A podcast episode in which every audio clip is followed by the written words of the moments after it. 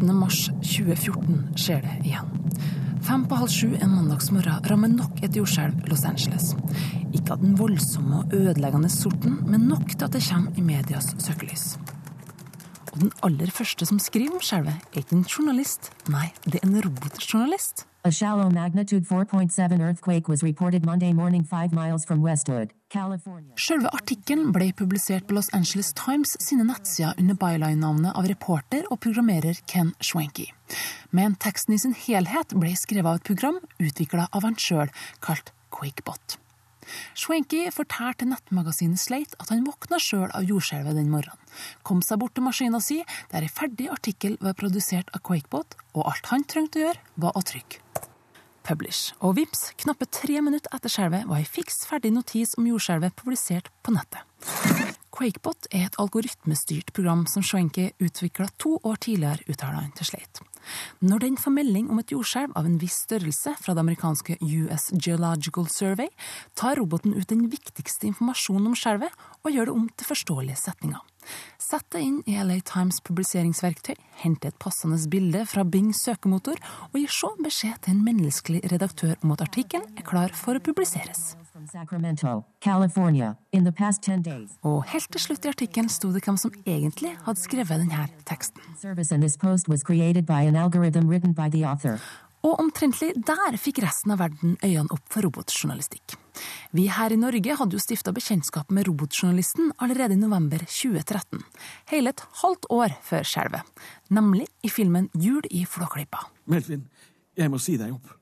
Nei! Men, men, men, men en avis må jo ha en journalist! Å ja, men det har jeg. En som jobber gratis. Se her, Presserobot 3000 med ordspillende overskriftsprosessor, egen skandalemodul og lave representasjonsutgifter. Jeg kommer fra Flåklypa-tidene, skriver en sak her og trenger noen opplysninger. Yes. Sjøl om den nye teknologien kanskje kalles robotjournalistikk, er det ikke snakk om roboter à la den i Flåklypas univers. Robotjournalistikk det er et litt vanskelig eh, tema å definere, fordi det er såpass bredt. Eh, men til syvende og sist så handler det om å bruke datamaskiner til å tolke informasjon og gi det en sammenheng, og, og sette det sammen til da enten en tekst eller video eller lyd, eller sette det sammen til et reduksjonelt produkt uh, ut ifra informasjon som i seg sjøl kanskje ikke gir mening for menigmannen. Det her er Henrik Lie. Han er journalist og rådgiver i NRK Beta, der de sitter dagen lang og utforsker alt som er nytt og spennende i den teknologiske verden. Jeg møter han på Marienlyst for å få vite mer om denne robotjournalistikken. Hei, hei. Kristin Norvoll Mork. Hyggelig, hyggelig. Eh, hva er det du står på? Jeg står på et uh, selvbalanserende tohjuls uh, kjøretøy. Som er veldig ideelt for uh, å komme seg fra møterom til møterom i NRK. Henrik ser litt ut som han kommer rett fra et møterom fra framtida, der han nærmest svever på sin swagway gjennom korridorene og det åpne kontorlandskapet. Og det passer jo egentlig fint, det, siden vi skal snakke om noe som ligger nettopp i framtida, nemlig robotjournalistikken. Men er det egentlig så nytt og spennende som jeg tror? Datamaskiner har jo i lang tid hjulpet mennesker til å, til å, analysere ting. Dagens Næringsliv for den saks skyld har jo brukt børsmeldingen og laga flotte grafer og den slags ut av tall som da leveres fra børsen i lang tid. og Det har vært i avisa i, i, mange mange år, det. Eh, så, så, Sånn sett har datamaskinene vært involvert i det vi kaller robotjournalistikk ganske lenge. Men det skjer jo stadig vekk framskritt der også. Så robotjournalistikk i dag er jo litt mer fokusert på å forstå kontekst. Hvis du får en tekst, eh, en nyhetsartikkel der navnet Solberg nevnes, så er en datamaskin i dag smart nok til å lese konteksten og forstå om du snakker om Erna Solberg eller Petter Solberg. Eh, og det var ikke mulig før, men fordi at datamaskinene nå er raskere og vi er blitt flinkere til å programmere dem, så klarer de i dag å skjønne den konteksten. Hva kan en sånn maskin få til av journalistisk arbeid? Ja, nå er det jo et par firmaer som, som bl.a. har spesialisert seg på å lage videoreportasjer ut av nettartikler. Eh, og de kan i praksis ut ifra en nettartikkel eller en pressemelding Eh, forstå konteksten, hente inn relevante nyhetsklipp fra de store byråene og sy det sammen til en, en nyhetsoppsummeringsvideo. On Sunday evening, New York Magazine posted a stark black and white cover of its latest issue. Basert på hvis noen har skrevet en artikkel på cnn.com, så kan den artikkelen bare mates inn i et verktøy. Så utfører du en ferdig klipt video med robotspeak og hele pakka. Så på ett minutt så har du generert en, en, eh, et nyhetssegment til TV eh, på basis av en nettartikkel. Hvem er det som benytter seg av eh, robotjournalister i dag? Vi i NRK bruker det ikke i noe særlig grad. Svenske Dagbladet er jo egentlig de som, som bruker det mest. Og så er det jo diverse aviser i, i USA. Og analyse av f.eks. værmeldinger er en vanlig ting. Børsmeldinger og da f.eks. jordskjelvmeldinger. Men vi har ikke tatt det så veldig mye lenger enda i, i tekstform i Skandinavia, altså. Men det er ikke sant så mye lenger. For bare noen timer med tog unna grensa holder Sveriges største eier av lokalaviser, selskapet Mitt Media, på med oppløpet til å lansere sin nye robotjournalist.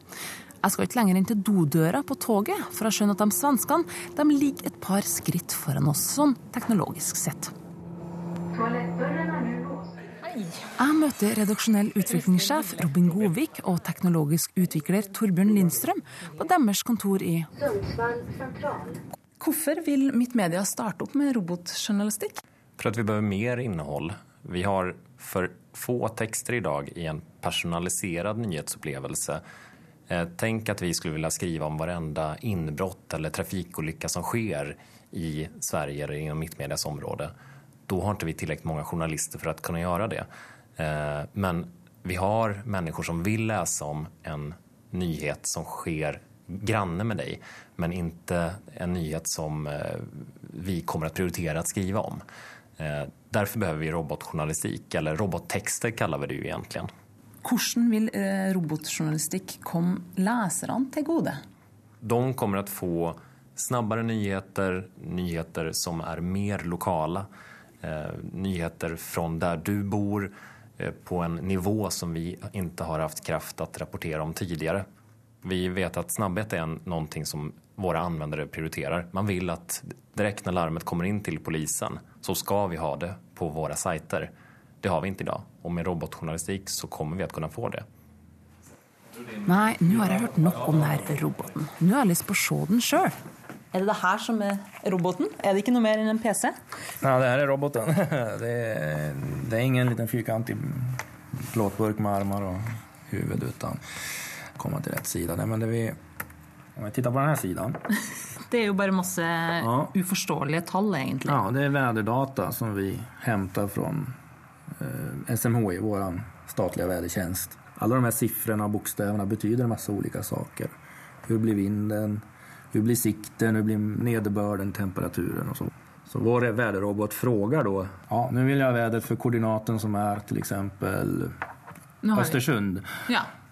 For Nå er det litt mer setninger her. Det er Ja. fortsatt en del ting som jeg ikke forstår. Men for her står det 'temperaturen stiger til', og så en klemme der det står Ja. 'new data'. Precis. Så kommer bare dataen Ja, och här inn der. stoppar den in då temperaturen som det ska bli då. Ja. Och då har den innan då räknat ut att ja, det, i det här fallet så är det lägre temperatur än det var innan. Och då, då har den läst in att ett minus ett där. Då, Mm. då måste jag jobba med att berätta att det blir kallare.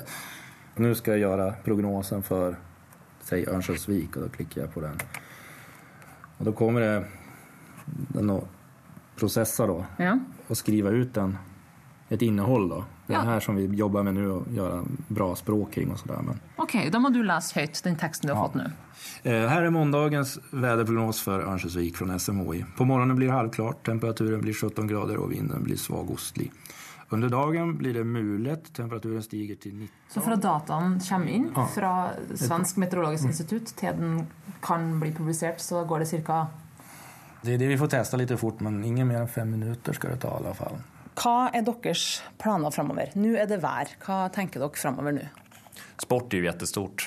Framfor alt eftersom sport er noe som er veldig enkelt på at det er tabeller, det er data. Eh, Det går å oversette til robotjournalistik.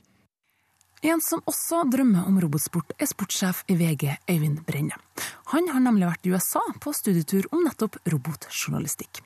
Og der fikk han se eksempler på hvordan teknologien kunne brukes innenfor sport. Hvis du tar f.eks. et eh, travløp, da, så kan man si at eh, ved å innsamle data, så kan man få en automatisk generert tekst om hver eneste hest sin prestasjon i det løpet.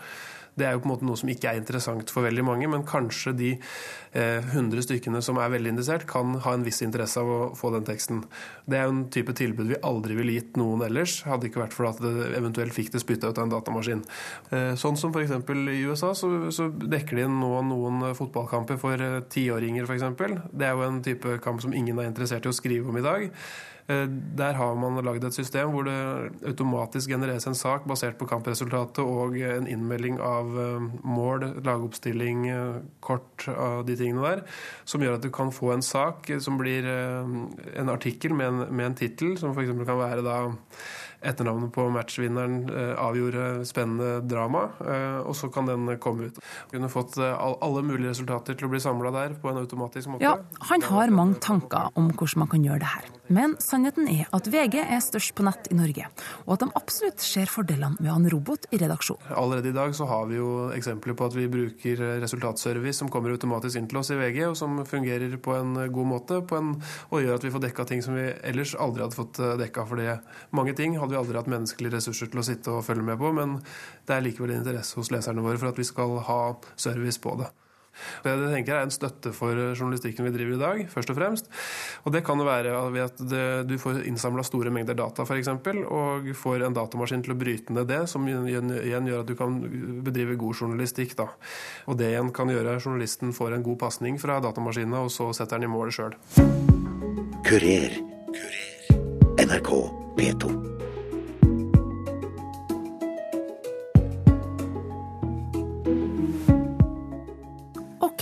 Da har vi fått vite litt mer om hva en robotjournalist er, og hva den kan gjøre. Men vil norske redaksjoner ha alt å vinne med et sånt arbeidsverktøy? Er det virkelig bare fryd og gammen med en sånn maskin? Hilde Tretterud, kommunikasjonsrådgiver i Norsk Journalistlag, har sine tvil. Det som er, eh, som er, kanskje det man kan være skeptisk til, er kvalitetssikringen av de dataene som eh, publiseres eh, rett ut. Som ikke går da gjennom en person som kvalitetssikrer det eventuelt. Og selvfølgelig det som fores inn eh, av disse faktaene, disse datafaktaene, eh, det vil jo nødvendigvis være sånn at den som lager denne, disse dataene, som da skal ikke være journalisten, men som skal være kilden, vil få veldig stor makt. Og som vil være én kilde. Og så må man jo ikke glemme at de her datarobotene de kan jo de, altså, de leser ikke Vær varsom-plakaten. de kan nok være i stand til å luke ut eh, hva vet jeg, det kan være spesielle data som nærmest eh, settes et sånt obs-varsel ved seg. Men den etiske vurderingen av det som publiseres, og det redaktøransvaret som tilligger redaktøren, vil jo være der hele tiden. Uansett hvor eh, kvalitetssikret dataene er i utgangspunktet. Og det er ikke det eneste spørsmålstegnet NJ stiller i denne saken. Noen av de som da kanskje sitter i særlig i USA og jobber med det her, eh, sier at eh, man kan lage robotene så gode at de kan variere språket, f.eks. Eh, i, i et sportsreferat. Da. Eh, sånn at eh, leseren ikke oppfatter egentlig om det er en journalist eller en, en maskin som har skrevet eh, saken. Eh, og det kan sikkert stemme, det, for enkle notiser og sånne ting. Men eh, den gode pennen, den gode retorikken, det ironiske sluttpoenget de, de, menneskelige følelsene som formidles, eh, de kan jo aldri en robot klare å formidle det, altså. De beste sakene, de er jo skrevet av eh, gode penner og gode hjerner. Og om det er mulig å få noe godt språk ut av de her maskinene, er også NRK Betas Henrik spent på. Men eh, vi har litt problemer med en språkbarriere. Så de sliter med å forstå norsk språk. Samtlige sliter veldig med sarkasme og ironi. Det er et eh, kjempeproblem. Was that sarcasm? No. Was that sarcasm? Yes. Was that sarcasm? Stop it! En av de største problemene er å faktisk tolke tekster helt korrekt. Da. Å analysere hvorvidt et utsagn er positivt, negativt eller nøytralt ladda. Og Der, der vi testa forskjellige løsninger, men det er ingen av de vi har testa som er spesielt gode på norsk. Om man bøyer verbet feil i ei sportsnotis, så vil det neppe få store konsekvenser. Men om det blir feil i ei børsmelding, så kan det utgjøre en litt større forskjell. I 2013 skrev Hegnar om selskapet Investor AB, som i ei børsmelding flagga at selskapet hadde kommet opp i seks millioner aksjer i et selskap kalt Active Biotech. Problemet var bare det at i flaggmeldingas overskrift sto det ikke Active Biotech, men Biotage. Som førte at Biotage-aksjen smalt i været med 15% før noen rakk i det hele tatt å si Active Biotech. Hva tenker Robin Govik om muligheten for sånne feil? Det her er jo bare material som vi egentlig återpubliserer eller bearbetar fra offisielle kilder. Eh, og eftersom det er ganske enkle saker vi gjør, så tror ikke jeg at vi kan gjøre noe feil. Eh, är det så att polisen rapporterar en felaktig sak, då kommer vi att rapportera den felaktiga saken automatiskt med robotjournalistik. Men det tror jeg at vi hadde nok gjort even om det var en menneske innblandet. En av de tingene jeg kjenner jeg er litt kritisk til, er automatiserte trafikkmeldinger, som er noe av det Mitt Media vurderer å bygge en robot til. For hva tenker de å gjøre i tilfelle det kommer en melding om en dødsulykke?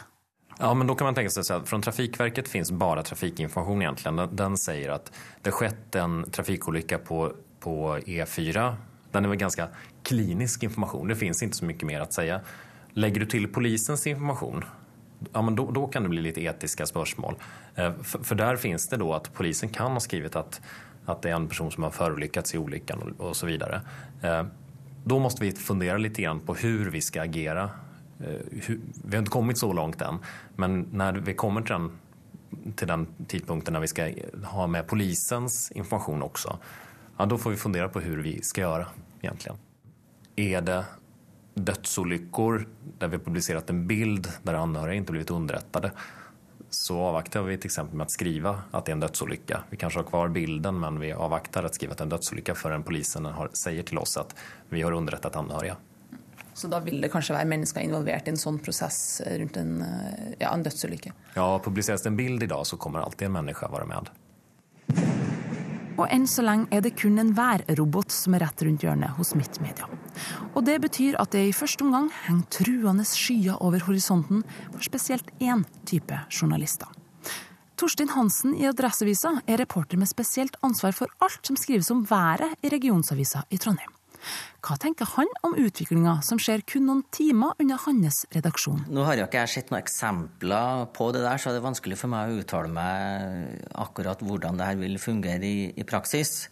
Vi kan, må selvfølgelig si at ethvert varsel av en meteorolog er jo basert på en lang rekke data som er henta inn på alle mulige måter. Men uansett så er det da eh, et menneske som skriver det varselet. Så um, der blir jeg veldig betenkt når jeg da hører at uh, en maskin skal sitte og lage et uh, varsel uh, og bare spy ut det. Fordi at det aller viktigste med meteorologi og varsler er jo i situasjoner hvor det er meldt farlig vær, altså ekstremvær, det er jo å sikre liv og helse. Og hvis en da baserer Eh, et sånn type varsel på ei maskin, så det syns jeg er skummelt. Eh, jeg er fortsatt betenkt inntil jeg kan se det praksis overbevist om at det stemmer. Så har jeg en, en skepsis til det. Hvis du nå hadde vært 20 eh, år og skulle holdt på med det her en stund, hadde du vært bekymra for jobben din da? Nei, jeg tror egentlig ikke det. Fordi at det her blir et varsel, og det i værsaker som jeg lager, så legger jeg også vekt på å prøve å forklare hvorfor oppstår den værsituasjonen her er. Hva skyldes det? Altså sånne ting eh, vil jeg trekke inn, og det vil ikke en maskin få til uansett. Det her handler jo tross alt bare om varselet fra, fra, dag til dag, time for time, mens eh, det jeg lager, er også går litt mer i, i dybden. Værjournalisten føler seg altså ikke trua, men hva sier de i ledelsen hans? Sjøl om utviklingssjef i Adresseavisa Kirsti Husby sier at de ikke kommer til å ta i bruk sånn teknologi i nærmeste framtid, er jo også de prega av den økonomisk pressa situasjonen som mediebransjen befinner seg i. Altså De økonomiske rammevilkårene i mediebransjen gjør jo at vi er nødt til å løse arbeidsoppgavene våre med, med færre folk. Det har jo pågått en nedbemanning de, de senere årene. Og det er jo ikke pga. teknologi, sånn sett, men ny teknologi hjelper oss jo til å få løst veldig mange av de arbeidsoppgavene som flere måtte til for å løse tidligere, på en bedre måte. Så det er klart at uh, Ny teknologi for oss som jobber i et mediehus, det er kjempeviktig. Uh, og I den forstand så er jo all ny teknologi òg, som f.eks. her med roboter, aktuelt for oss å se på. Uh, og etter hvert kanskje også vurdere om vi skal ta i bruk på, på enkelte områder. Selv om det ligger litt langt fram i tid akkurat nå. Teknologiske fremskritt og økonomiske innskrenkninger. Det er lett å bli skremt av utviklinga. Vil denne teknologien gå utover jobbene til journalistene? Vil de bli erstatta? Men har ikke den teknologiske utviklinga alltid trua menneskets jobber? Dampmaskin, motoren, elektrisiteten, datamaskinen, internettet og nå roboten.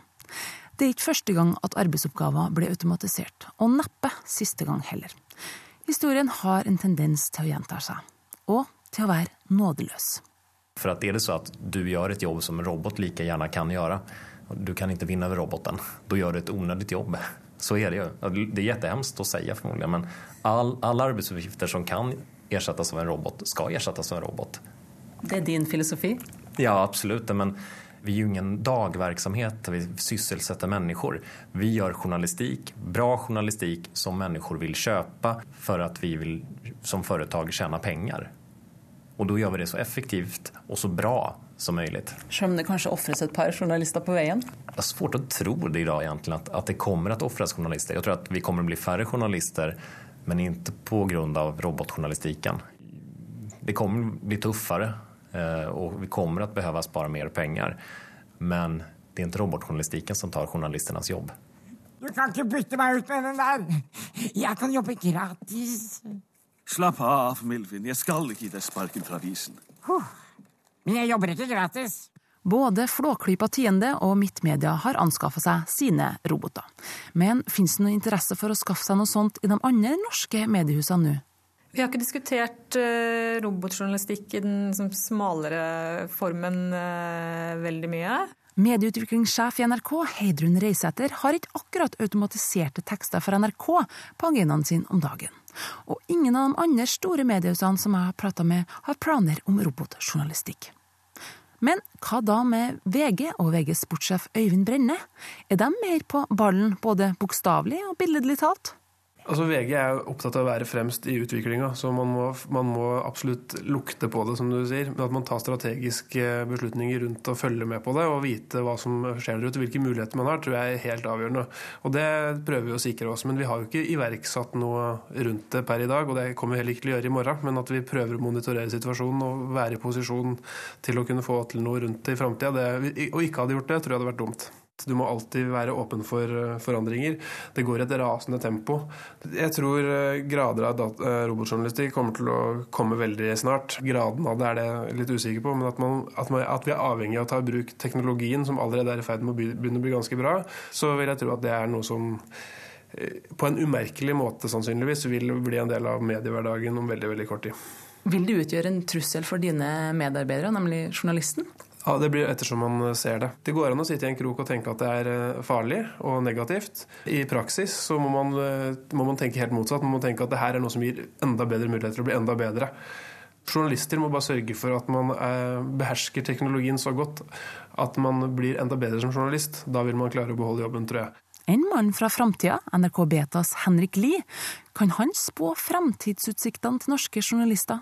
Du skal ikke se vekk ifra at hvis det skjer et stort framskritt i hvordan kunstig intelligens fungerer, at datamaskinene faktisk blir mye smartere. For Det, er liksom viktig å poengtere at datamaskinene har jo de siste 30 årene egentlig ikke blitt så veldig mye smartere.